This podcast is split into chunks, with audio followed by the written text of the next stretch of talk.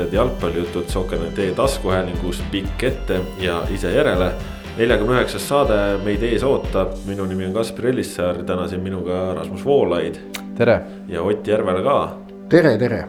ja täna siis saate teemad sellised, et saate alguses räägime natukene noh, Eesti koondise tasemel jalgpalluritest, seejärel vaatame natukene otsa sellele Äh, millises äh, seisus on siin noh, ütleme kolm nädalat ja natukene enne hooaja algust mõned premium-liiga klubid, kes veel siin on toimetamas.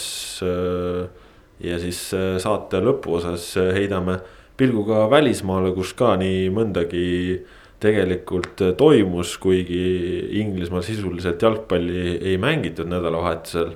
ja siin torm segas natukene ka mujal neid asju, aga hakkamegi siit kohe otsast minema eelmine nädal oli eh, noh, mõnes mõttes ikkagi selline suurte uudiste nädal või ütleme, et oli palju kõneainet Eesti jalgpallis. ja, ja üks kõneaine, mis tõukus küll hoopis teistest teemadest ja hoopis kaunis juhuslikult sai oma kõlapinna. oli Georgi Dunjov ja, ja Eesti A-koondis ehk siis Äh, kui Sokkernet vestles Eesti koondise peatreener Karel Voolaidiga, siis sealt äh, noh, sellest vestlusest äh, kujunes välja ka see, et. et Voolaid võib-olla noh, tänase seisuga praegu veel ei, ei näe, et Dunjov peaks kohe A-koondises siin märtsikuus olema, et, et võib-olla oleks tal targem mängida ja, ja just mängida ja neid minuteid saada Eesti U kakskümmend üks koondises mis siis äh, vallandas ulatusliku pahameele peamiselt jalgpallifännide seas, aga, aga natukene ka mujal, et äh, sellest tõukuvalt küsingi, mida teie mehed sellest arvate. kuidas see väljaütlemine teile tundus?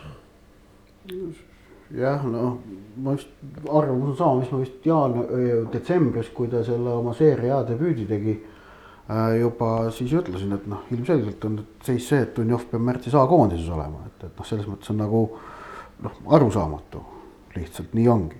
ja, ja, ja samas on, samas on mulle arusaamatu tegelikult isegi siis, et oletame, et noh, Voolaid tõesti arvab, et äh, noh, või noh, mitte oletame, noh, ta arvabki, et äh, Dunjovi pole praegu A-koondises vaja. siis jalgpallikoondise peatreeneril töö kätkeb endas ka ütleme ikkagi sellist äh, avalikkusega suhtlemist äh, läbi erinevate signaalide, milleks on siis noh, üks, üks tuntavam neist on koondise kutse. aga on veel näiteks Magnus Persson suhtles ju äh, avalikkusega ka läbi selle, et ta avaldas need pikad nimekirjad, mis olid siis kolm nädalat ennem koondise mänge, et koondise kandidaatidest ja siis avaldas selle lõpliku nimekirja, kus olid need, kes, kes nagu kutse said. ja, ja Pärson selgelt ju saatis signaale nende eelnimekirjadega, et kes seal olid nimekirjas, kes seal ei olnud.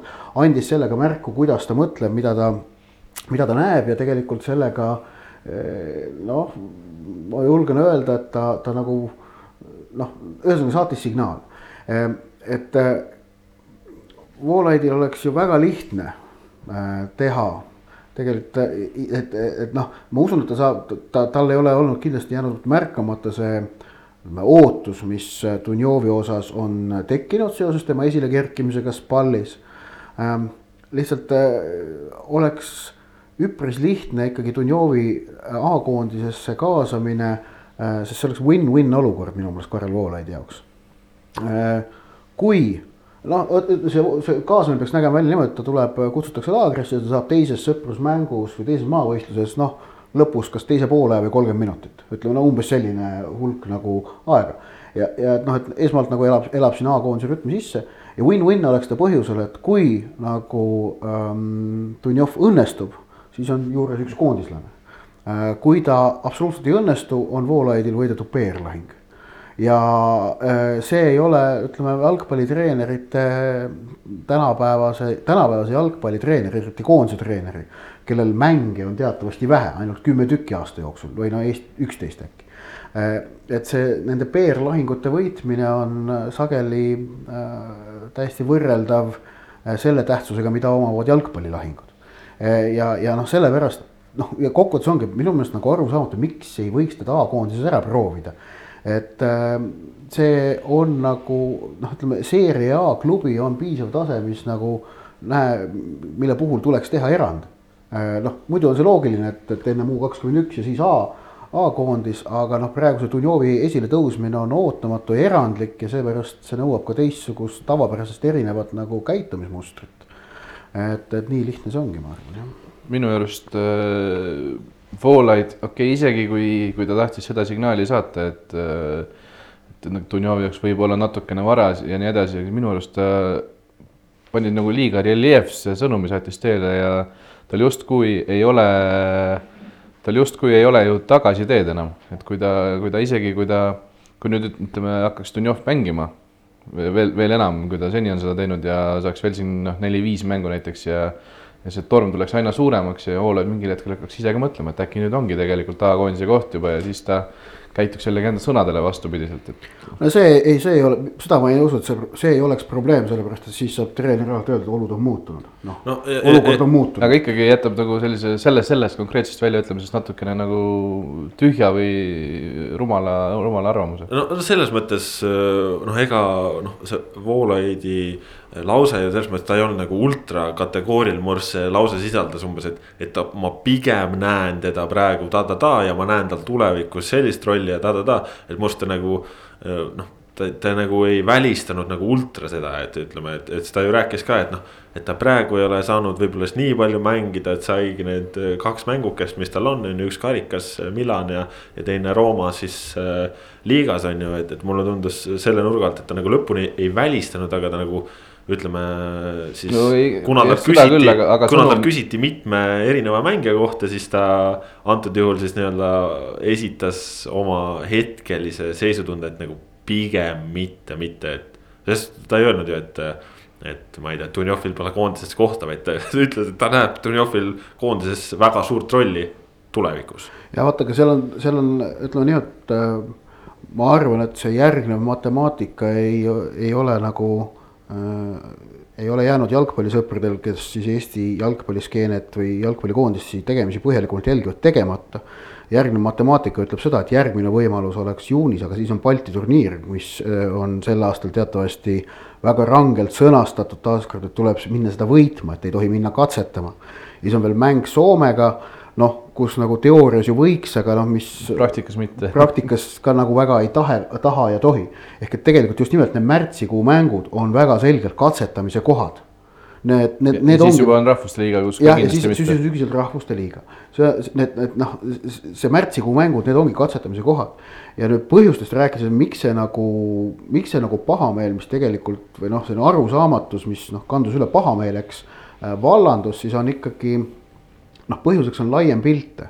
laiem pilt on siis see, et Eesti koondise tulemused viimase, viimaste aastate jooksul on noh, laias laastus pigem valmistanud oot-, pigem olnud alla ootuste, valmistanud pettumuse seda ühte punkti eelmises valiksarjas ma jätkuvalt ei dramatiseeri, et see oli siiski viieliikmeline alagrupp. no iseasi ka see, et, et kas ootused on põhjendamatult kõrged või mitte, aga, aga noh. ja, ja on ju ja, ja noh, ja teine asi on see, et, et noorusele no noore esiletõus noore sportlase esiletõus on tegelikult üldse see asi, mis nagu tippsporti. Äh, olgu see siis jalgpall, võrkpall, kergejõustik või ükskõik mis asi äh, tegelikult noh, elus hoiab. see on nagu noh, põhjus, väga oluline osa sellest põhjusest, miks nagu tippsporti jälgitakse, et näha, kuidas uued tegelased tõusevad esile, no miks vallandus kergejõustiku maailmas tohutu vaimustus möödunud nädalavahetusel, kui Armand Duplantis tegi kuus seitsmeteistkümnega teivashüppes uue maailmarekordi see oleks olnud äh, sellepärast, et ta on noor. samamoodi kui Usain Bolt tõusis esile, ta oli üheksateist, kui ta oma esimesed superjooksud tegi või kakskümmend. et see on hoopis teine asi, kui nagu noor sportlane tuleb lööb noh, nõnda jalaga ukse lahti või, või noh, niimoodi tuleb võimsalt areenile. kuidas Mattias Käit tuli A-koondisesse, esimene mäng Gibraltari vastu, lõi ühe, söötis ühe vist on ju. Äh, aga et kui tuleb kahekümne viie aastane sportlane samamoodi, siis see efekt ei ole üldse selline ja Dunjovi puhul pannakse kokku lihtsalt see, et pannaksegi kokku siin mitu asja nagu. esiteks see, et koondise seis pole kuigi hea. teiseks see, et äh, ta on noh, teinud täiesti ootamatu tõusu ja tegutseb, mängib või ütleme, treenib tasemel, äh, kus Eesti jalgpalluritest on teisena ainsana ilmselt Ragnar Klavan kolmandaks võetakse. Karl Jakobein ka võib-olla siin. jah, okei okay,, jah nõus. kolmandaks võetakse juurde Mattias Käidi sellest koondisest tulekust see mälestus, positiivne mälestus. ja, ja pannakse kõik need kolm asja kokku ja noh, seal on nagu loogiline nende kolme asja pealt kokku on see, et tekib ootus, et noh, me tahame nüüd teda näha. ja noh, nüüd kui Voolaid ütles, et ei saa siis siis äh, selle pealt see torm tekkiski. ja, ja samas kogu see olukord on ju selline ka, et äh, Voolaid oma senise poole aasta jooksul natuke peale ta ju ei ole näidanud et ta ei usaldaks noori, tema. Kreida, Sorga. just no., Kreida ja Sorga väga selgelt äh, nii-öelda väga suurde rolli, on ju. ja noh, kuigi Martin Reim ka juba natukene ju nuusutas, lasi nendel nuusutada õhku, siis ikkagi ütleme, et Voolaidi käe all nad said nii-öelda päriselt peale. Ainsalu ja noh, Ainsalu, noh Ainsalu ja Liivak on võib-olla juba. no natukene see, vanemad, aga, aga see, et noh, ta andis värskele verele nendes mängudes võimaluse ja kusjuures need värsked vennad vedasid ju välja. Kreida vedas Valgevene vastu välja, Liivak ja Ainsalu Saksamaa ja Hollandi vastu kodumängudes noh, pigem ikkagi positiivne. aga kas siin ei või isegi natukene seda olla, et, et kuna tõesti neid nii-öelda noori on juba toodud. siis äh, Voolaid ei taha mingis mõttes nagu koondise balanssi kuidagi käest ära lasta. et, et, et ta on ju alati öelnud, et tema jaoks peab olema koondis äh, segu parimatest noortest ja, ja kogenud mängijatest, et see peab olema selline ühtne rusikas, et ta ei saa olla ainult noortekoondis, ta ei saa olla ainult pensionäride saunalava on ju. see on kõik õige, aga noh ütleme nii, et kuna ma, kuna, kuna kõik loogika näitabki seda, et need märtsikuu mängud on katsetamise koht, siis tuleb katsetada nii ja naapidi. nõus, nõus. ja seal on ju veel see ka, et ei pea ju Dunjovi kohe Kosti asemele tooma, et sa võid ju teise noore või noh ja, ja seal on, seal on veel ka see, et noh, et kui meil on. ja teda ei pea isegi ju mängu panema põhimõtteliselt, ta oleks võinud tegelikult koondise laagris olla. nojah, aga noh, pigem, pigem on see, et ma ütlen, et see teises maavõistluses kolmkümmend minutit või nelikümmend minutit seal lõpus. et see oleks see koht, kus tal noh, saaks saaks nagu kõik oma selle nõnda öelda uudishimu rahuldatud ja siis saaks juba nagu loogiliselt edasi vaadata ähm,. kui teda ei paneks, siis ilmselt see PR-lahing ei jääks täielikult äh,. siis tuleks, ei saaks võidetuks kuulutada. uus, uus. ja veel raskem võib-olla isegi. ja, no tegelikult noh, ja, ja, ja see ongi nagu noh, okei okay,, teatud mängulised noh, mängude käigus võivad ilmneda mingid asjaolud, mis nagu noh, muudavad selle asja lõpuks võimatuks, aga see on siiski ebatõenäoline, et noh, et esimesel poolel, ma ei tea, neli vigastust, siis noh, võimalik, et vahetused lihtsalt kuluvad mujale ära ja noh, ei saa, on ju. aga noh, sellist asja noh, kõigi eelduste kohaselt ei juhtu. et, ähm, et selles mõttes jah, et noh, arusaamatu tegelikult. Dunjov on selgelt, me ei tea, kas temast saab lõpuks tippjalgpallur äh, kas, kas kuigi noh, ütleme ilmselt noh, Eesti mõistes tipp nagu saab, aga kas temast nagu see noh, tipp-tipp jalgpallur saab, seda me ei tea, aga kahtlemata ta on Eesti jalgpalli kontekstis on tegemist täiesti nagu erakordse poole aastaga, mis sellel mehel selja taga on, noorel mehel. lähtepunkt igatahes on parem ja, kui kellelgi põhimõtteliselt kunagi varem. ja see, ja see, see nagu noh, loogiline, et teda tahetakse näha koondises. ja et see on samamoodi loogiline, et sellest otsusest, kui ta nüüd märtsis koondises ei ole, ei saada aru. seal ei, seal ei saa äh, teha mingeid etteheiteid, et ei, noh, ma ei tea, et, et põhjendamatud ootused või, või et noh, see on täiesti nagu täiesti arusaadav pahameel. üks otsus, millest ka jalgpalli üldsuses väga palju aru ei saadud, oli Eesti koondislase Hendrik Ojamaa siirdumine eh, Poola esiliigast Legnitsa Mietsist aste madalamale Vitševi, Lotši Vitševisse eh, kes on siis Poola tugevuselt kolmanda liiga liider praegu. Rasmus, eh, kuidas sina selle uudise vastu võtsid ja, ja kuidas või noh, ütleme, milline sinu arvamus äh, siinkohal on, et kas, kas tasub võtta, ütleme siis selline risk, et sa nii-öelda pooleks aastaks lähed justkui madalamale tasemele, samas suuremasse klubisse, sest äh, Vitševlots on ju ajalooliselt Poolas suurklubi mänginud, Euroopas kõvasti. Nendel on uus staadion, staadion on pidevalt välja müüdud, seal seitseteist, kaheksateist tuhat inimest. noh, tõenäoliselt ka materiaalselt on see tehing talle kasulikum. ütleme, et klubi näitas ambitsioone ka sellega, et talvel toodi veel Horvaatia kõrgliigastki mängija, kes on kunagi sealsamas klubis mänginud, et. et kuidas sina sellele olukorrale vaatad, kas, kas see pool aastat äh, madalamal tasemel ja, ja see väike risk, et, et kas ta nagu tasub ära ennast sinu vaatevinklist? jah, ütlesid algul justkui madalamale tasemele läheb, see on sada protsenti kindel, et ütleme, need mängud, mida ta nüüd saama hakkab, ei ole kindlasti Poola esiliigaga vist ikkagi võrreldavad.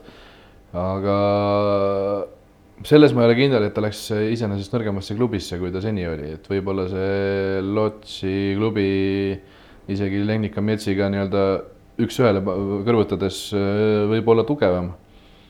Aga, aga tõesti, see risk on ikkagi ma loodan, et kaalutletud muidugi tema enda esimestest sõnadest, mis ta seal äh, klubi pressiteenistuse vahendusel ütles. jäi ka mulje, et tema enda jaoks oli väga lihtne ja ilmselge otsus, et äh, kui on võimalus sellise suurklubiga liituda, siis seda tuleb teha. Poola mõistes on tegemist ikkagi vaieldamatult äh, nii-öelda korraliku ajaloo ja traditsioonidega klubiga jah, tunnistan, oli, oli ikkagi hämming, et, et noh, miks selline mees, kes iseenesest tahaks loota, et mängib tegelikult Poola kõrgliiga tasemel jalgpalli, on nüüd juba Poola tugevuselt kolmandas liigas, endine Poola meister ikkagi. aga, aga, aga ma loodan jah, et see näitas ka ikkagi mingisugust teatavat ambitsiooni, et sõlmiti pooleteiseaastane leping ja pooleteise aastaga ma olen küll aru saanud, et see meeskond tahaks olla juba tagasi kõrgliigas jah, ja noh, ütleme, kui me vaatame ka võib-olla lihtsalt veel mingisugust suuremat pilti, siis äh, äh, noh, Legnitsa väike koht kuskil noh, võrdlemisi mitte kuskil on ju. väike koht mitte kuskil jah, et Lodž on, on oluliselt suurem koht, Varssavile oluliselt lähedal, lähemal et noh, nii-öelda ka nii-öelda elukeerises natukene rohkem võib-olla lihtsam noh, tahes-tahtmata nagu jalgpallurite otsuste puhul me ju noh, vaatame ka isikliku elu tasandile ja, ja noh, näiteks kui abikaasa elab kodumaal, on lihtsam külas käia läbi Varssavi liikudes ja nii edasi-tagasi, noh pannes veel sinna juurde, et see klubi tõesti ise on, on suur, siis. Äh, mina ei saa üldse aru, mis, mis jauramine selle üle käib, ausalt öelda kakskümmend kaheksa nojamaa vist on ju. kahekümne kaheksa aastane jalgpallur teeb endale, no me eeldame, et see on nagu majanduslikult tema jaoks mõistlik otsus, esiteks. noh, mida seal nagu õiendada on, on ju. ja teiseks äh, sportliku, noh mängija sportlik äh, tase nüüd sellest äh, poolest aastast Poola teises liigas. noh, sisuliselt ei kannata, see noh, ta tegi enda jaoks mõistliku otsuse nüüd äh, kartus, et noh, et, et see on piinlik, kui me hakkame Eesti koondisesse näiteks kutsuma mängijad Poola teisest liigast, see on bullshit. Äh, Ojamaa tase on teada selle poole aastaga Poola teises liigas, see kindlasti ei lange. oleme ka Poola kuuendast liigast mängijaid koondisesse võtnud. no absoluutselt ja eh, noh, noh, okei okay,, need ei ole võrdlusolukord, aga noh, noh, me näeme maailma jalgpallis, David Beckham läks MLS-i, mis oli nagu noh Äh, ta läks sinna, on ju see, äh, La Ligast läks. Realist läks. jah, Realist ja noh, no need olid, äh, MLS toona oli noh, oluliselt nõrgem, kui ta on praegu. Aga sellest hoolimata Beckhamit kutsuti Inglismaa koondisesse ta oli jätkuvalt Inglismaa koondises vajalik mängija veel mitu aastat pärast seda selle, sest et noh, tema tase oli ikkagi selleks ajaks juba saavutatud, see, et ta oma seda meisterlikkust iganädalaselt realiseeris teises kontekstis, ei mõjutanud suures plaanis seda meisterlikkust ülearu palju. Äh, noh, Ojamaa positsioon on ka veel ju selline, et, et noh, et äh, noh, saab enesekindlust aina juurde, kui seal on natuke lihtsamaid vastaseid loputada. kui ta, ta näit-, ei no aga näide on see, et tal oli see madalamasse tasemele minekust võtta näide Horvaatia esiliigast äh, kunagi, kui ta läks Horvaatia esiliigasse pooleks aastaks, oli vist Goritšesse. jah, Goritšesse. ja noh, seda mõjus talle hästi näiteks. väga hästi, no see, see tase ei olnud seal üldse halb ka, ma ütleme seal ikka natuke neid mänge vaatasin, see oli noh Horvaatia ikkagi päris naljakoht ei ole. et, et äh, ma nagu jah, ei saa aru, miks see mingi selline jauramine vallandus ja siis noh, et oleme ausad, avalik saladus on ka see, et see pandi siis nagu ühte patta Dunjoviga, mis on jällegi minu meelest noh, järgmine jaburus. et noh, et, et, nüüd on niimoodi, et Poola teisest liigast kutsume ja Serie A-st ei kutsu. Need ei ole omavahel seotud küsimused, absoluutselt äh, tulenevalt mängijate positsioonidest ja kõik need taustsüsteemid on ka niivõrd erinevad, need ei ole omavahel seotud küsimused ja noh, Henrik Ojamaa kvaliteet, see, mida Eesti koondisele suudab pakkuda, see on meil aastate jooksul teada. Äh, noh, ütleme ilmselt äh, ma arvan, kui Ojamaa ise oleks äh, kümme aastat tagasi lootis, et see kvaliteet, mida ta suudab pakkuda selleks ajaks on kõrgem. aga kokkuvõttes on ta Eesti koondise, Eesti jalgpalli jaoks ikkagi noh, väga vajalik mängija ja noh, see, et ta nüüd on mängib Poola teises liigas ja tuleselt kolmandas on ju. Ei mõjuta küll nüüd seda järgnevat poolt aastat. Äh,, lihtsalt siin on võimalik see, et, et Eestis on noori ääreründajaid esile tõusmas äh,. noh, tahaks loota, et neid tuleb ikka, et mingil hetkel võida, võivad nad lihtsalt olema sellega nagu puht sportliku tasemega koondisest välja mängida, aga see, et nüüd Poola teisest liigast ei kõlba koondisesse kutsuda, see jutt on nagu kassi saba all. seda ma jah, tahtsin sellesama lõpu juurde tagasi jõuda, et kui Karel Voolaid andis mõista, et Henri Anieri ta ei kutsu sellepärast, et ta mängis Lõuna-Korea esiliigas, siis äh, see ei ole ka päris seotud samamoodi, kuna siis just tuligi see Erik Sorga esiletõus Eesti liigast ehk ehk kui poleks Sorgat tulnud, siis ilmselt oleks Anier ka Lõuna-Korea esiliigast saanud koondisesse aga tuli Sorga peale, siis äh, Anier langes ära ja kui nüüd samamoodi tuleb mingi uus mees peale, siis võib ka see äh, äh, Ojamaa variant. kui Ojamaa ei saa koondisesse, siis pole põhjuseks see, et ta mängib Poola Just. teises liigas, ma arvan. vaid põhjuseks on see, et noh, tema mängi omadused noh, et noh, neli ääreründaja kohta täidetakse ära muude omadustega mängijatega aga noh, mis siiski no, ei, ei ole tõenäoline. üks on Zenjov, on ju, noh, Liivak on praegu kindlalt koondises, Sinjavski ilmselt. no, no ja Miller ka. Luts, Luts saab vormi on ju, noh. Miller on ka veel seal piiri peal. Miller jah, no, noh, variante on. noh, roosnupud on ju, et.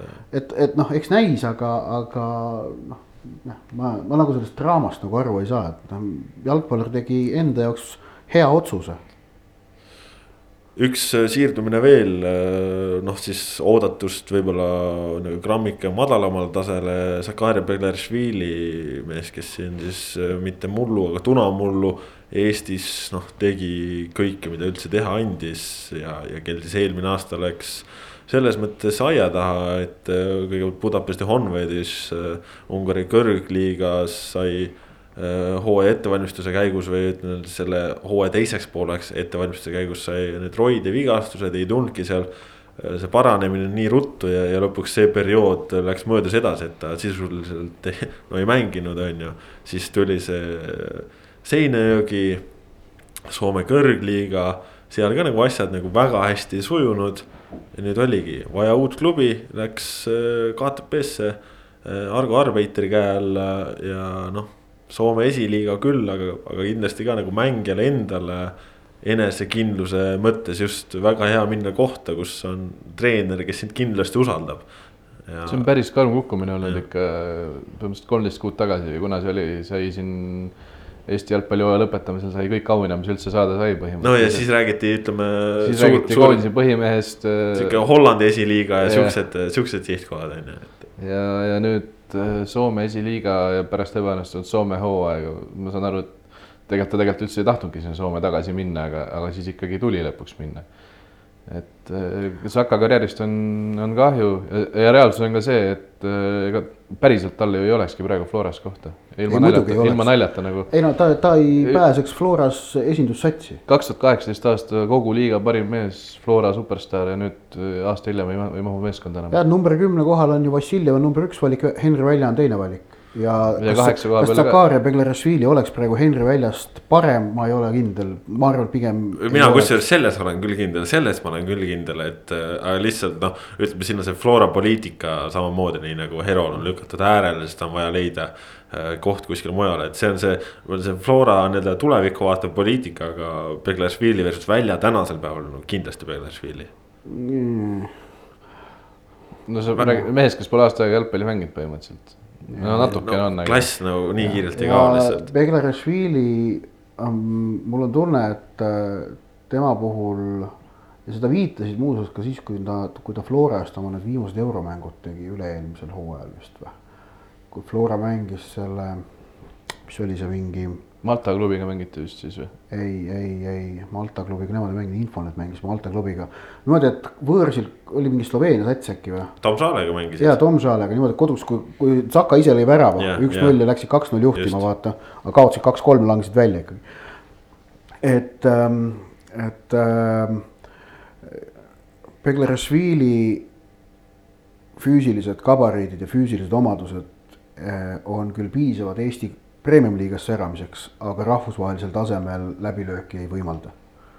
et see on nagu, mul on, mul on tunne, et see lihtsalt on, et, et äh, seal noh, ta, ta nagu natukenegi sellised tugevamad vastase Florale vastu tulid, siis Beglarashvili kippus seal väljakul ära kaduma.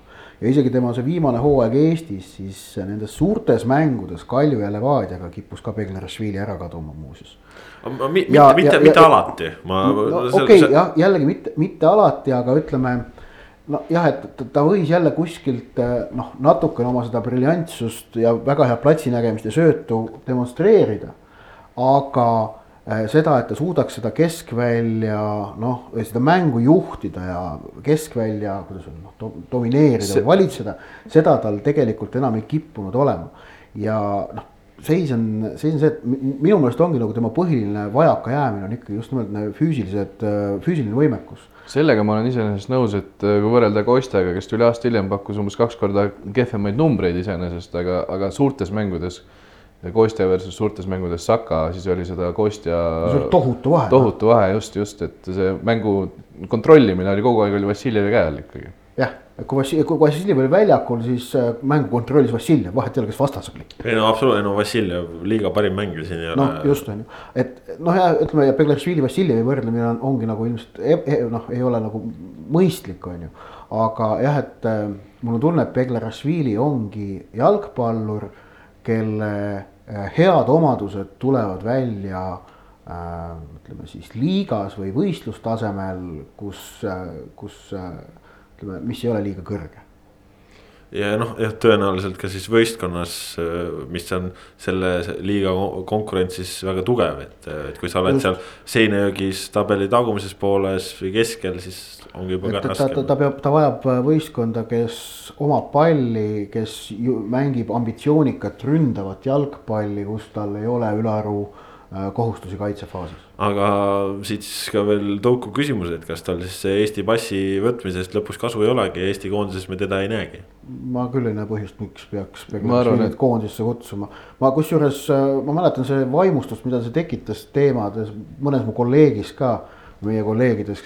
et noh, et kas nüüd tuleb ära meil esimene selline noh, nõnda öelda kodustatud jalgpallur noh, seal on kogu aeg, et ta mingil hetkel paistis, et Beglarashvili võib olla võimalus, kui oli näha, et Vassiljevil mingisugune arengkõver hakkas allapoole minema. see oligi täpselt kaks aastat tagasi umbes. ja see oli isegi rohkem, ma ütleks kolm-neli aastat tagasi. aga siis oli see, et, et ei olnud tegelikult. kuidas siis küll Vassiljevi arengukõver allapoole ei läinud? no see oli kaks või kolm, ma, ma nüüd ma.... tal on olnud mingid rasked perioodid ja siis. mingi mõne ajal paistis niimoodi, et kui Beglarashvili säras Eestis premium-liigas Floraga ja, ja Vassiljevil oli nagu noh, mingi selline mõõnaaeg on ju et siis nagu tundus, et äkki on ta lahendus. Äh, aga noh, tegelikult äh, siis ongi, et kui Beglarashvili on Floraga need mõned eurosarja mängud teinud, siis on näha olnud, et ei ole lahendus, et ta ei, ta ei, ta ei vea seda taset välja ja praegu on seis see, et sinna noh, number kümne positsioonile on meil enne Beglarashvilit võtta päris mitu muud mängijat, ma arvan no. ma arvan ka, et võib vist põhimõtteliselt välja kuulutada, et tõenäoliselt väga suure tõenäosusega ikkagi Saka ei saa Eesti koondises meil mängu kirja. no ühte meest veel, keda Eesti koondises enamine on Madis Vihman, kahekümne nelja aastane keskkaitse, viimati mängis äh, Šotimaa kõrgliga St Johnstone'is ka. eelmise nädala keskel Flora lakooniliselt teatas, et äh, Madis Vihman lahkub jalgpallist ja ja olukorda lähemalt ei kommenteeri, et äh, noh, kui suure šokina see uudis teieni tuli no uudis muidugi tuli, oli väga ootamatu. just oli ju paar nädalat tagasi olin tema agendi Harri Ojamaaga rääkinud, kuidas siis sõnad, sõnum oli väga selge, et Vihman on koondislane, kes peab mängima, St Johnstonis ta ei saanud mängida, otsime talle uut klubi. kaks nädalat hiljem umbes oli kõik. ma saan aru, et see tuli ka asjaosalistele endale, noh, kes ei olnud Vihman, aga temaga lähedal seotud inimesed pigem ikkagi väga suure, suure üllatusena jah. jah, kuuldavasti siin veel jaanuari lõpus olevat omale AS Jalajäljest uued putsad tellinud, et eh, neid siis ka tundub, et vaja ei lähe, et Ott, kuidas sina selle sündmuse ja, ja, ja kõik selle möllu, mis sellele järgnes, eh, vastu võtsid? ei no alati ootamatu, kui noh, kahekümne nelja aastane jalgpallur karjääri lõpetab eh, noh, niimoodi noh, asjaoludel, millest on keeruline aru saada kui Karl-Erik Luigend jalgpalli lõpetas, siis sellest oli võimalik aru saada, on ju, et noh, see nagu noh, ta ongi selline inimene, kes ja, ja selle sõna üldse nagu heas mõttes on ju, et noh. et lõpuks on see, et iga inimene peab tegema seda, mis nagu tema tahe ja kutsumus on ja kedagi sundida ei tohi ja Eesti riigile või Eesti rahvale selles mõttes Madis Vihman ei võlgne äh, seda, et ta peab kindlasti jalgpalli mängima või ka Eesti, Eesti, Eesti koondisele ta ei võlgne seda, et ta peab jalgpalli mängima, et see on ikkagi noh, see, mida ta on saavutanud, see on ta läbi enda töö saavutanud, et see on ja ta enda õigus on sellest noh, nendest tööviljadest ka loobuda, kui ta seda õigeks peab, aga ootamatu muidugi jah.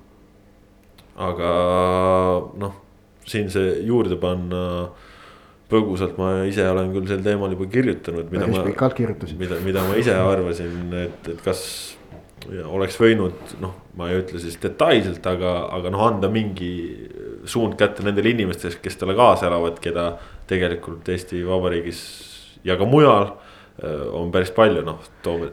ei no oleks muidugi, aga jällegi, et äh, noh, aga äkki ta ei taha lihtsalt. no ilmselt ta ei tahagi. kindlasti ei taha. Kindlasti ei taha. no kindlasti ei taha, et äh, noh. kas nüüd jah, mul on, mulle tuleb, ei noh, sinu artikliga. ütleme nii, ma selle peale tuli mul lihtsalt meelde üks selline vastandlik seisukoht sinu artiklile, mille on sõnastanud kunagi üks Eesti spordiajakirjanduse korüfeesid, nii palju kui ma tean. sest et teda, seda nagu, seda nagu, kuidas öelda tõdemust mulle edastasid siis minu toonased vanemad kolleegid Õhtulehes, kui ma Õhtulehte tööle läksin. Gunnar Press olevat kunagi sõnastanud selle asja niimoodi, et äh, ei ole lugeja äh, mure, kui ajakirjanik ei saanud sportlase käest intervjuud, et palun seda mitte lugejatele kurta, et sportlane ei andnud intervjuud. et äh, noh, see, see nüüd, see vihmane asi, see ei ole nüüd täitsa niimoodi üks-ühele sealt võetav, on ju aga sest et noh, et see pigem käis see nagu selliste, ütleme päevakajaliste sündmuste üle, kui ei õnnestunud. ja ei noh, see no see, see, et sa kedagi kätte ei saa, see on, ma arvan, täitsa teine teema jah, et. aga no, noh, ütleme.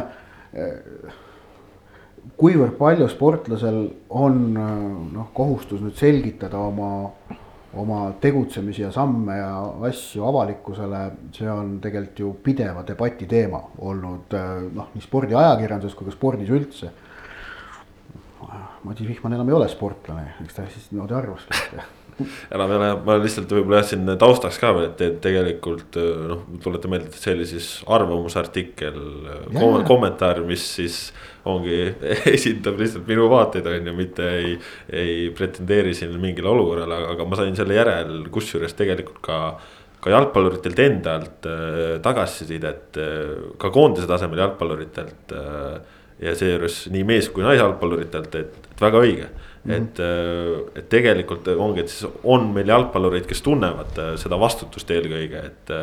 et nad mängivad inimeste jaoks ja. ja ei, see on ja, väga no, hea, et, et, et, et, et see, et, et nad tunnevad seda vastutust ja et noh, nad on nõus selles avalikus debatis, ükskõik kuhu see debatt parasjagu läheb, siis osalema. aga nüüd on see, et kas me saame noh, öelda on nõuda, et te ei, peate. ei, ei nõuda ei saa, aga vaata, mina, mina oma loos ma ju ka ei nõudnud, ma ütlesin, et noh, ongi, et see äh, otsus äh, lõpetada, see on väga tema isiklik asi ja, ja ta võib noh. täpselt nii nagu sina ütlesid, et ta ei, ta ei pea jalgpalli mängima, kui ta ei taha, keegi ei saa teda sundida. ja, ja mina ei nõuagi, et ta peaks seda mängima, siin oli lihtsalt äh, no ütleme jah, see, et, et kas sa lihtsalt suhtudki.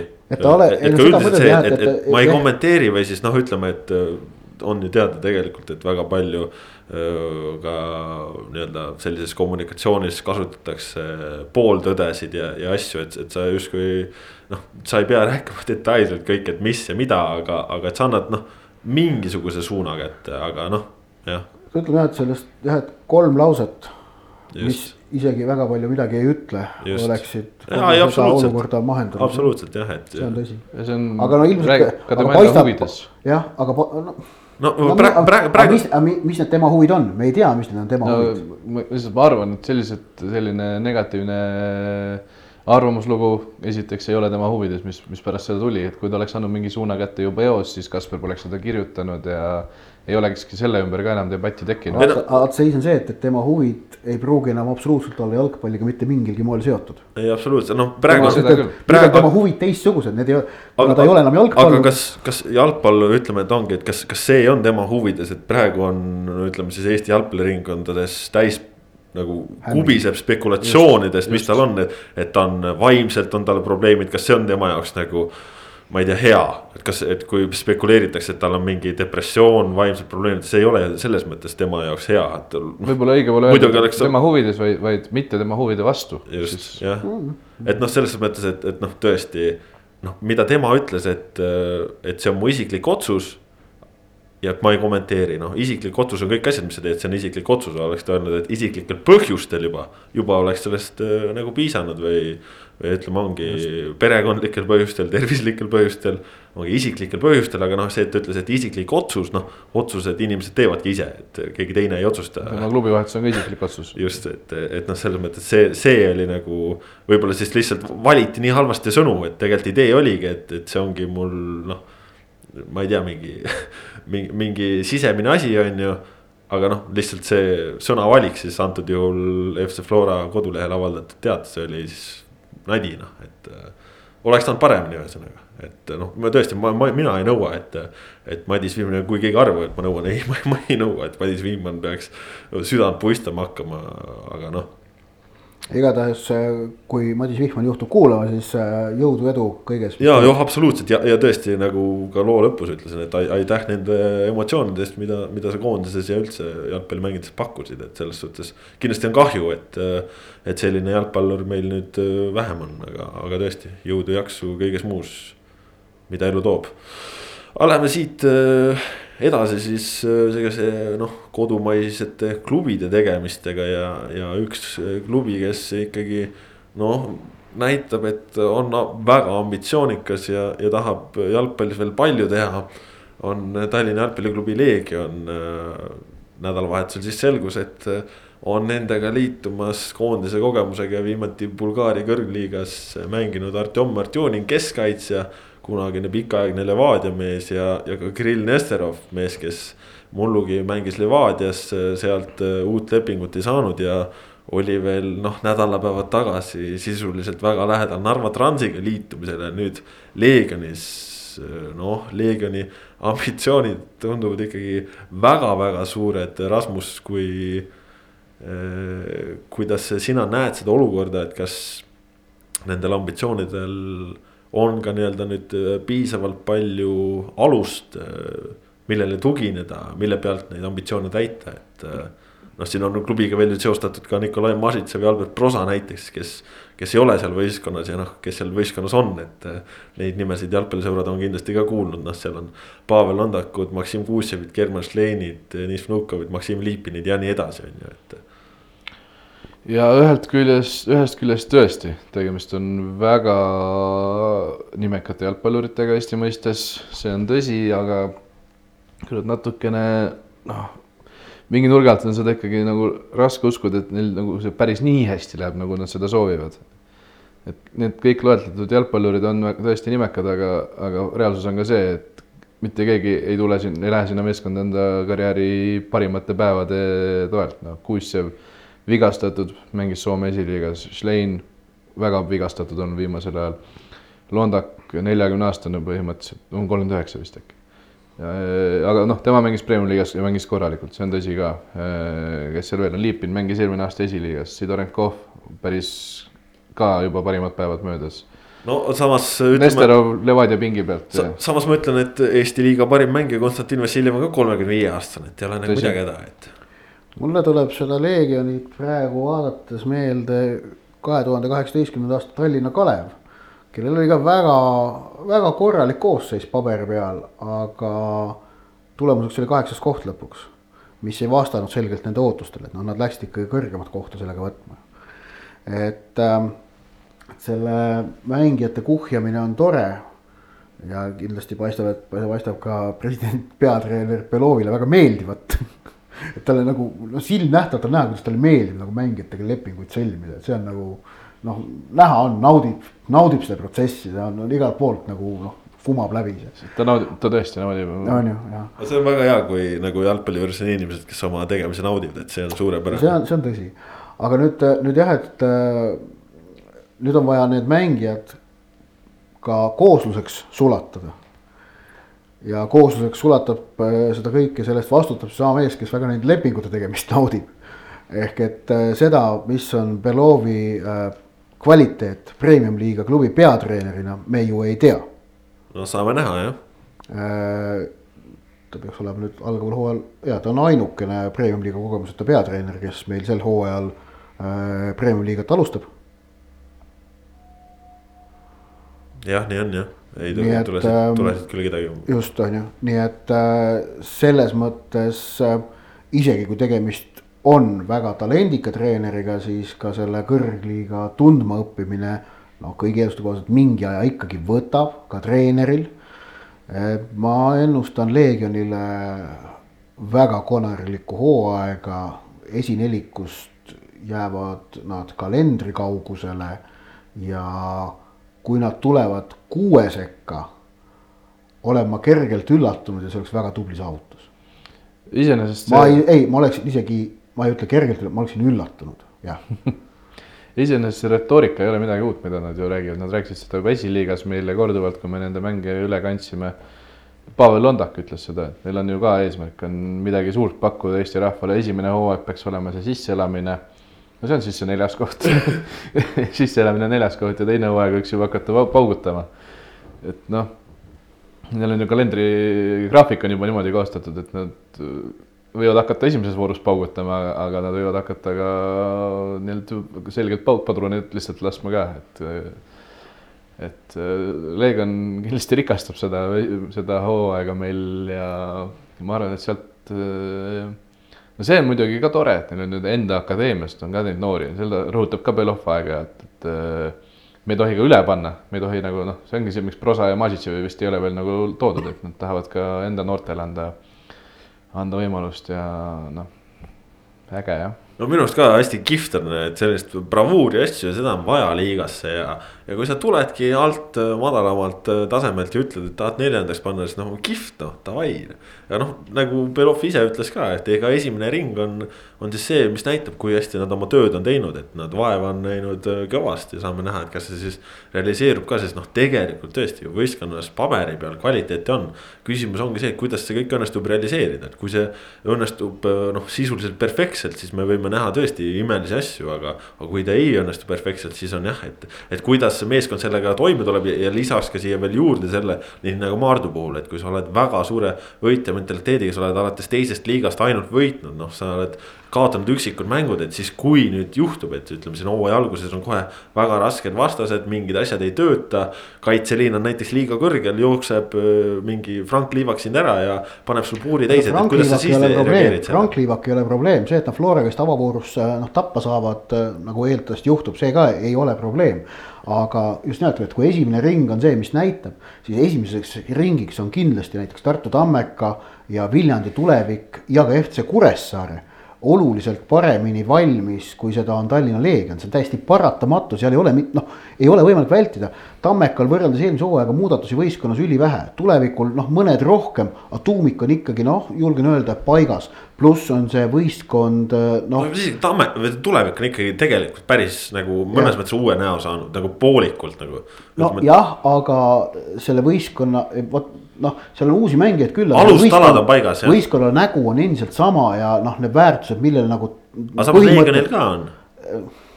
jah, aga noh, see kõrgliigasse üleminek ja ikkagi neil on väga palju uusi nägusid, see on nagu natukene keeruline. aga noh, samas, samas jällegi. Need... minu meelest on seis see, et, et just nimelt, et need tegelikult need otsesed rivaalid, kellega Leegion tabelis noh, tegelikult mitte siis enda mõtetes konkureerima hakkab. ehk et võtame siis eelmise hooaja tabelis viiendast kohast allapoole, Tammeka Trans, äh, Tulevik, äh, Kalev, Kuressaare. ma arvan, need kõik satsid, võib-olla Trans välja arvata, on hooajaks äh, paremini valmis kui Leegion, kui see hooaja algus kätte jõuab. no samas taliturniiril nägime, et Tammeka alistamine ei olnud probleem näiteks taliturniiri. ei absoluutselt, aga lihtsalt, lihtsalt noh, ongi, et võimalusi on palju, saame näha, milliseks. see, see noh, e, eks ta Leegion, eks ta kerge enigma ole, aga mul sellesse mingisse no nüüd äh, väga kiiresse tõusu nende puhul küll usku ei ole, tõsi välja nad ei kuku. Äh, üks meeskond, siis nagu sa ise Ott ütlesid, kelle komplekteerimine veel on päris pooleli ja, ja kelle seas on nii-öelda lahtiseid otsi noh, rohkem kui, kui võib-olla mõnel pool mujal on seesama Narva Trans. sa nädalavahetusel nägid ka neid ja nägid nende uusi nägusid ka.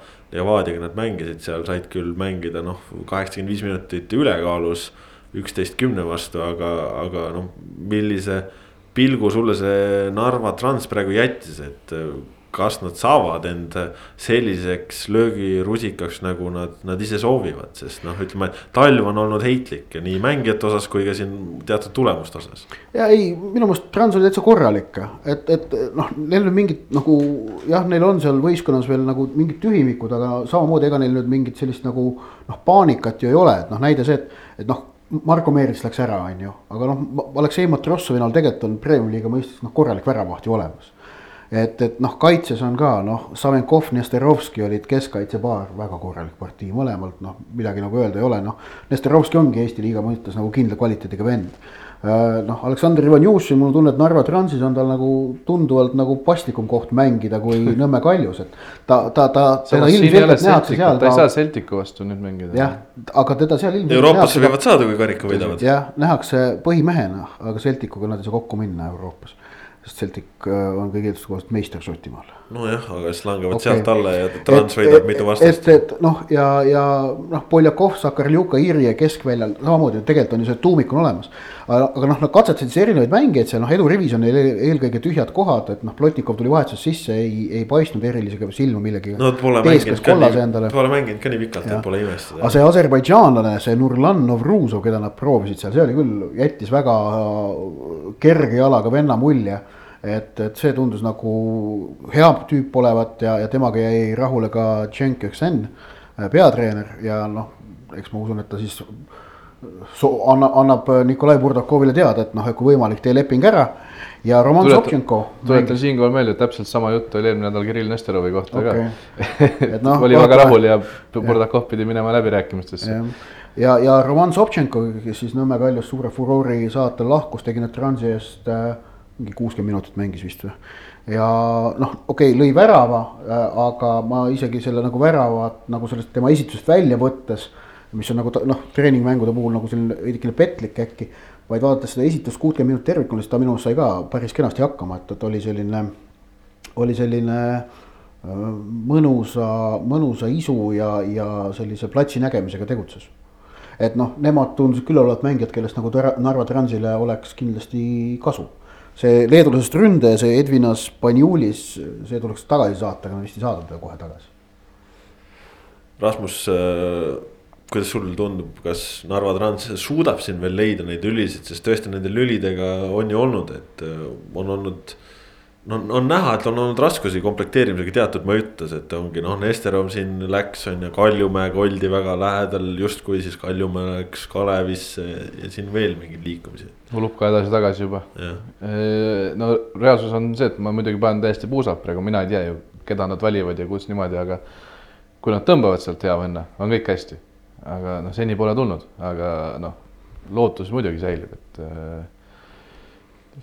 üks reaalne väravpaugutaja ründaja juurde ja võib-olla Trans ikka noh, pluss kümme, pluss viisteist punkti, ma arvan, hooajaga. jah, sest noh, Transis ju tegelikult on ju neid noori mängijaid äh, olemas, kes on väga hästi arenenud. samas muidugi noh, eelmise hooajaga võrreldes kvaliteeti kaotatakse, noh, noh okei okay,, Matrossov, Meerits, seal ma arvan, see kvaliteedi kadu.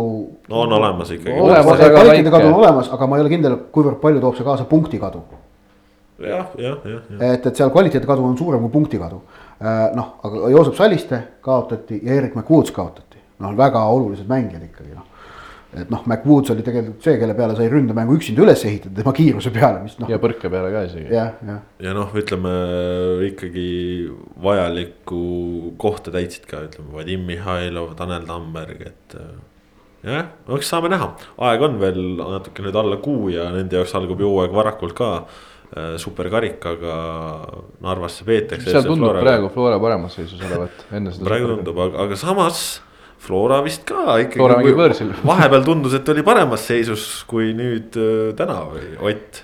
ja Hammarby mäng oli, mis oli nädal aega tagasi, selles mängus jättis Flora parema mulje kui nüüd äh, laupäeval Nõmme Kalju vastu.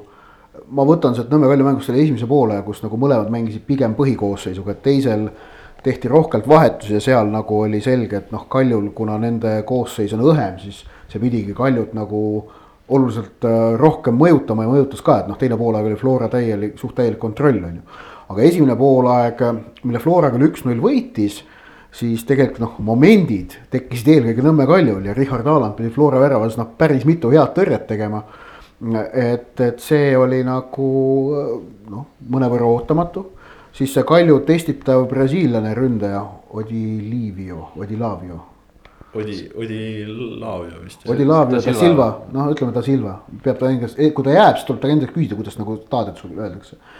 see jättis hea mulje ja noh, Brasiilia esiliiga ei ole Brasiilia Serie C või Serie D, vaid see ongi Serie B. ega ka Rio de Janeiro rannaliivad. nojah, just, et, et äh, tundus olevat igati asjalik tüüp, noh see, et Veremejevi ja, ja NATO-ga tahetakse jätkata, noh, see on nagu selge, ma ei tea, lepingud vist, kui veel ei ole tehtud, siis pidavat olema nagu vormistamisel ja noh.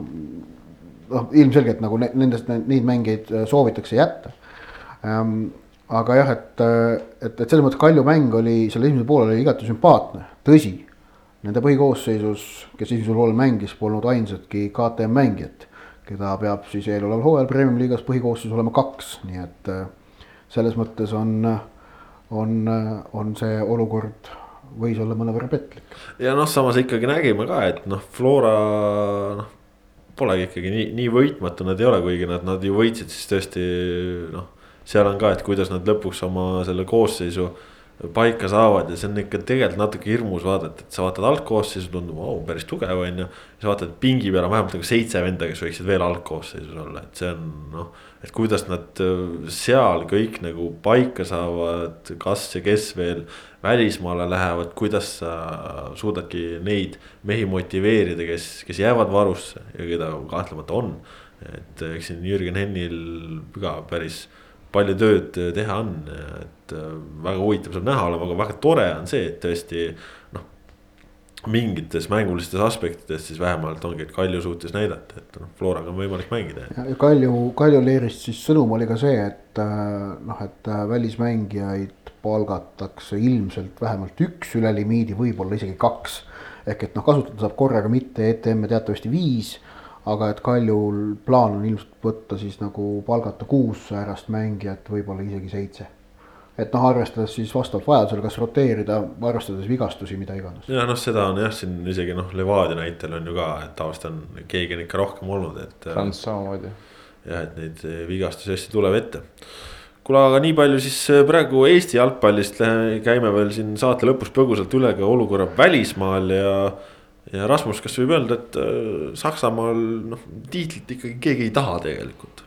jaa Saksamaa tiitel võib tuua võrdluse vist selle Inglismaa meistrite liiga kohaga, selle neljanda positsiooniga, et seda ka vist keegi ei taha, et äh, järjest annavad ära ja isegi Dortmund andis ära, Dortmund oleks nüüd kätte saanud vist selle vooruga.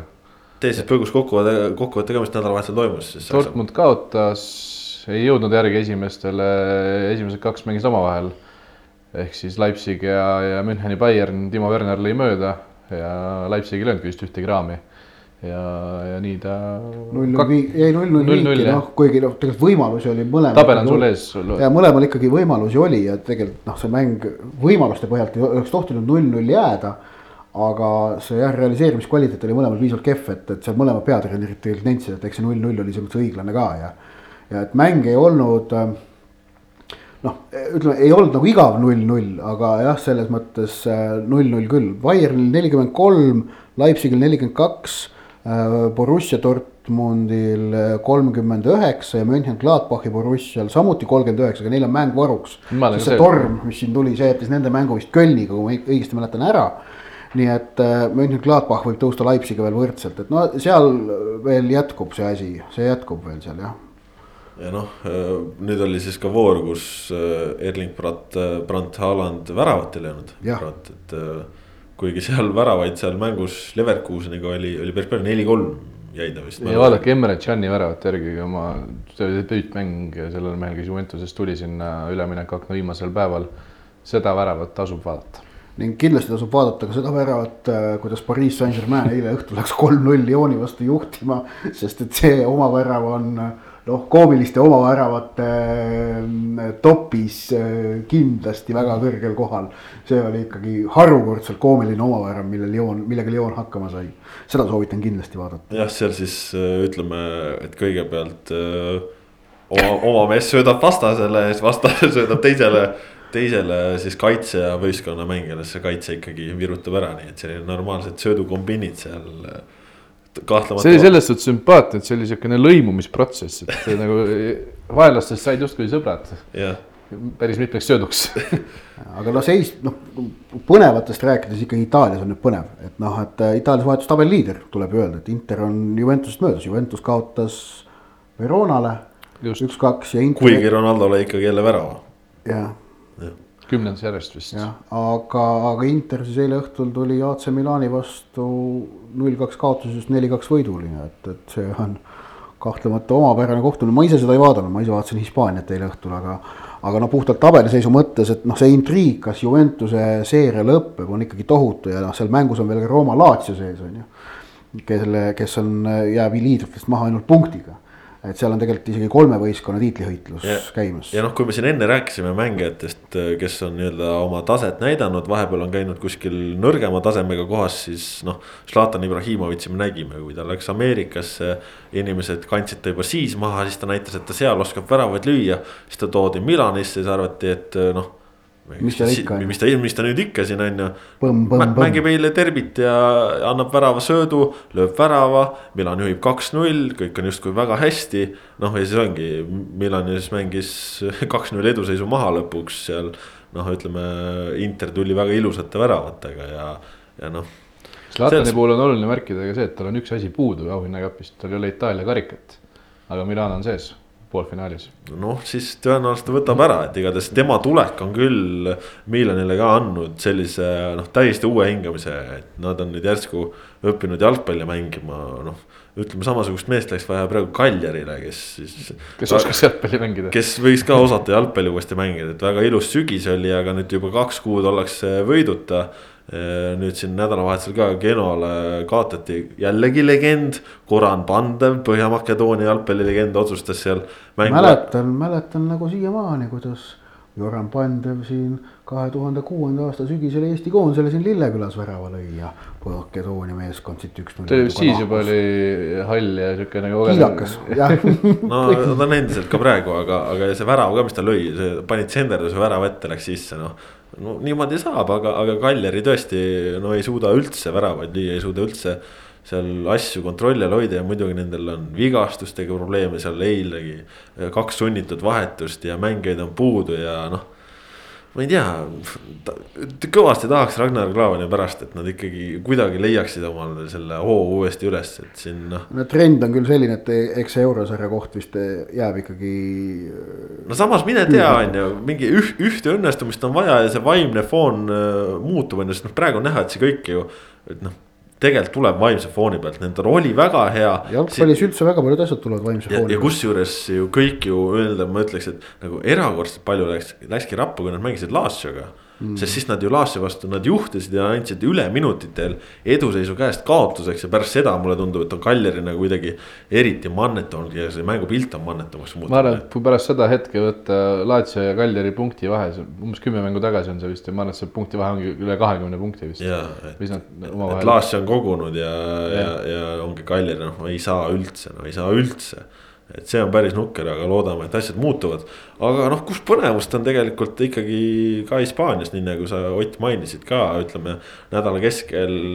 kui ühe õhtuga lendavad karikast nii Real Madrid kui FC Barcelona, siis, siis jalgpall on elus see on nii kaunis ja nüüd eriti äge on see, et, et poolfinaalide loos läks niimoodi, et Real Sociedad ja, ja Bilbao Athletic jäid erinevatesse paaridesse. mis tähendab, et Baskimaa kahe tippklubi finaal on võimalik isegi tõenäoline, no mõlemad on, mõlemad on oma paaris nagu soosikud. ja noh, nende omavaheline finaal, see oleks super, seda ei mängitaks küll Baskimaal, finaal on pandud paika, et mängitakse Viias. ehk et noh, tegelikult Hispaania teises otsas äh,. aga noh, ega nad ei jõuaks seal kokkuleppele ka, kas mängida San Mamesil või mis sellega Sociedadi staadioni nimi on, Reansor, Rikansor, ei tule meelde praegu äh,. et, et aga noh, see oleks see Baskimi finaal, see oleks üliäge, see oleks üliäge ja noh, muidugi mina olen Bilbao poolt ma ei saa, ma ei saa seal midagi parata, et noh, see. ja ma tahan, et võiduvärava lööks seal Aritsa Turiis muidugi. no Aritsa Turise poolt on kindlasti paljude jalgpallisõbrad. no see, see, see on noh, see, kuidas ta, see, kuidas ta tähistas seda, kui nad Partsale selle võiduvärava. oo, esimeses mängus vist oli see. ei, ja nüüd praegu, kui nad veerandfinaalis äh, ära panid Partsale et ta, ta ise ei löönud. ma mõtlen, ta lõi hooaja esimeses voorus ka Barca. siis ta lõi, siis ta lõi ka hooaja jah, La Liga esimeses voorus. Aga nüüd oli Inaki Williams lõi selle värava mm, -hmm. aga Aduriis oli see, kuidas Aduriis tähistas seda, põhimõtteliselt sõi värava võrku selle peale on ju. see oli noh no nii äge, no, no nii, nii äge lihtsalt. ja intriigi no. lisab siia juurde ka see, et kui noh, ütleme Baskimaal ajalooliselt suurem klubi on, ongi Atletic ikkagi, siis nädalavahetusel nad ju mängisid omavahel ja Sociedad sai kaks-üks võidu nii et eh, noh, siin ka ütleme, et Sociedad võidab Atleticut, see on pigem ebatavaline, mitte nii väga sage. ja, ja see lisab ka muidugi vürtsi veel juurde, et eh, Atletic oleks vihane, aga noh, samas. me ei saa rääkida siin praegu finaalist, sest on meil ka üks esiliiga sats, kes. Eh, kes on järjest võtnud ära Sevilla veerand, kaheksandikfinaalis veerandfinaalis neli-kaks Villareal, Mirandese nimeline meeskond ja nüüd siis Real Sociedad. Jah ja siis noh, ja Hispaanias siis eile õhtul olid.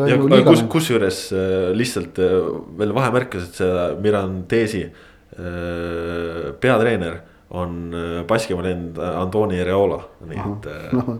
Baski, Baskimaa joone on võimalikus finaalis väga palju. ja eile õhtul siis La Ligas, no esmalt Real võitis Osasunat neli-null, tegi siis. neli-üks. neli-üks, vabandust jah ja, ja, tegi reaalajas, tegi, tegi reaalajas tabelis punktivahe kuuele punktile ja õhtul mina vaatasin Betis Barca mängu ja noh, ütleme nii, et, et Barçal ikkagi vedas väga, et nad selle vahe kolmele punktile tagasi said ja ma olen siiamaani tige selle mängu kohtuniku peale, kes minu meelest vilistas argpükslikult Barca kasuks. no see, kuidas ta Sergei Robertole kolmekümne kaheksa minutit teist kollast jäänud, see on täiesti arusaamatu. ja see oleks kogu selle mängu totaalselt muutnud, sest tollel hetkel oli äh, Betis äh, juba kaks-üks eduseisus ja oleks pidanud Barca jääma vähemusse. aga noh, ei jäänud, siis Barca avapoole lõpus viigistas väravast, noh, mille puhul oli veahõngu ja võiduvärav minu meelest oli ka veahõnguga, see selleks. lisaks kolm-kahe järel suutis ta seal Betisi sellele Fekirile noh, protesteerimisest teise kollase anda, no mine kukele sellise jutuga, no ei ole vaja hakata niimoodi show'd tegema seal. et no ühesõnaga minu, mind tõsiselt, ma eile õhtul kohe vihastasin selle kohtuniku peale, ma mõtlesin, et, et ta noh. Et ta mu kõige vihatumate kohtunike topist veel Sergei Boikoga ühele tasemele ei tõusnud. aga, aga pretendeeris seal poodiumil, et ta suutis mängu tuksi keerata tegelikult. teise poole põhjal Barca muidugi vääris seda võitu, et Barca oli teisel poolel hea ja, ja seal äh, Betisi väravaht tegi noh, mitu head tõrjet, äh, see, see Joel Robles. et kes nüüd nagu noh, tassis seal päris pikalt on ju, Messit võttis minu arust kaks korda üks-ühele peaaegu ära, umbes niimoodi. Äh, aga ja noh, liiga mõttes ka põnevus säilis, aga minu meelest oleks nagu põnevam olnud see ausalt öelda, et kui nagu Barca oleks veel sügavamale mutta vajunud praegu, et oleks nagu seda kriisi veel veidikene süvendanud. ma oleks tahtnud näha, kuidas see kõik siis edasi hakkab minema, kahjuks nad praegu said kriisist natukene välja. nüüd on natukene noh, neid pingeid maas, aga noh. Mida suurem sats satub, mida suuremate pingete alla, seda lõbusam on seda vaadata siis. kas nad tulevad sealt välja või varisevad kokku, on ju noh, kas teevad, kas teevad Manchester Unitedit või ei tee. ja samas äh, Hispaania näitas ka siin seda, et kui me siin Eestis vahel mingite karikamängudega ja, ja mingite liigamängudega ka oleme siin arutlenud, noh et et kas on õige mingi vastase vastu minna nii-öelda noh, ütleme siis mitte nii põhikoosseisuga, et säästa mängijaid mõneks teiseks kohtumiseks, siis Hispaania näitas, et jah, nii peabki tegema. et Sociedad ise ju eelmises voorus mängis varumeestega, kaotasid, siis mängisid nädala keskel põhimeestega Reali vastu, lõid Reali välja. Real mängis Sociedadi vastu siis ka nii-öelda kergema koosseisuga, noh, said lutti, aga nende jaoks ongi oluline äh, liiga liigas mängiti jälle põhikoosseisuga, saadi võit. Barcelona ees edu püsib ja selles mõttes jalgpallis peabki nii tegema, et äh, mängitad oma parimat koosseisu seal, kus sul päriselt vaja on, mitte seal, kus keegi nõuab. ära Kloppile seda ütle ma siis Kloppile ei ütle mm. -hmm aga ma arvan, siit võimegi tänaseks joone alla tõmmata, see neljakümne üheksas saade saab meil siin ühele poole, järgmine nädal siis juba suur juubelihõnguline viiekümnes. Zephyri tordiga Äh, sedasi Ott loodab, vaatame, kas see ka realiseerub, igatahes aitäh, et olite meiega. Kui teil on meile küsimusi, tahate, et midagi arutaksime, pange meil teele, võib-olla järgmisel nädalal jõuame pilgu neile ka siis peale heita. Mis seal olukord sellel rindel on, igatahes aitäh, et olite, olge meiega jälle, lugege Sokkerneti ja kuulake meid. Adjöö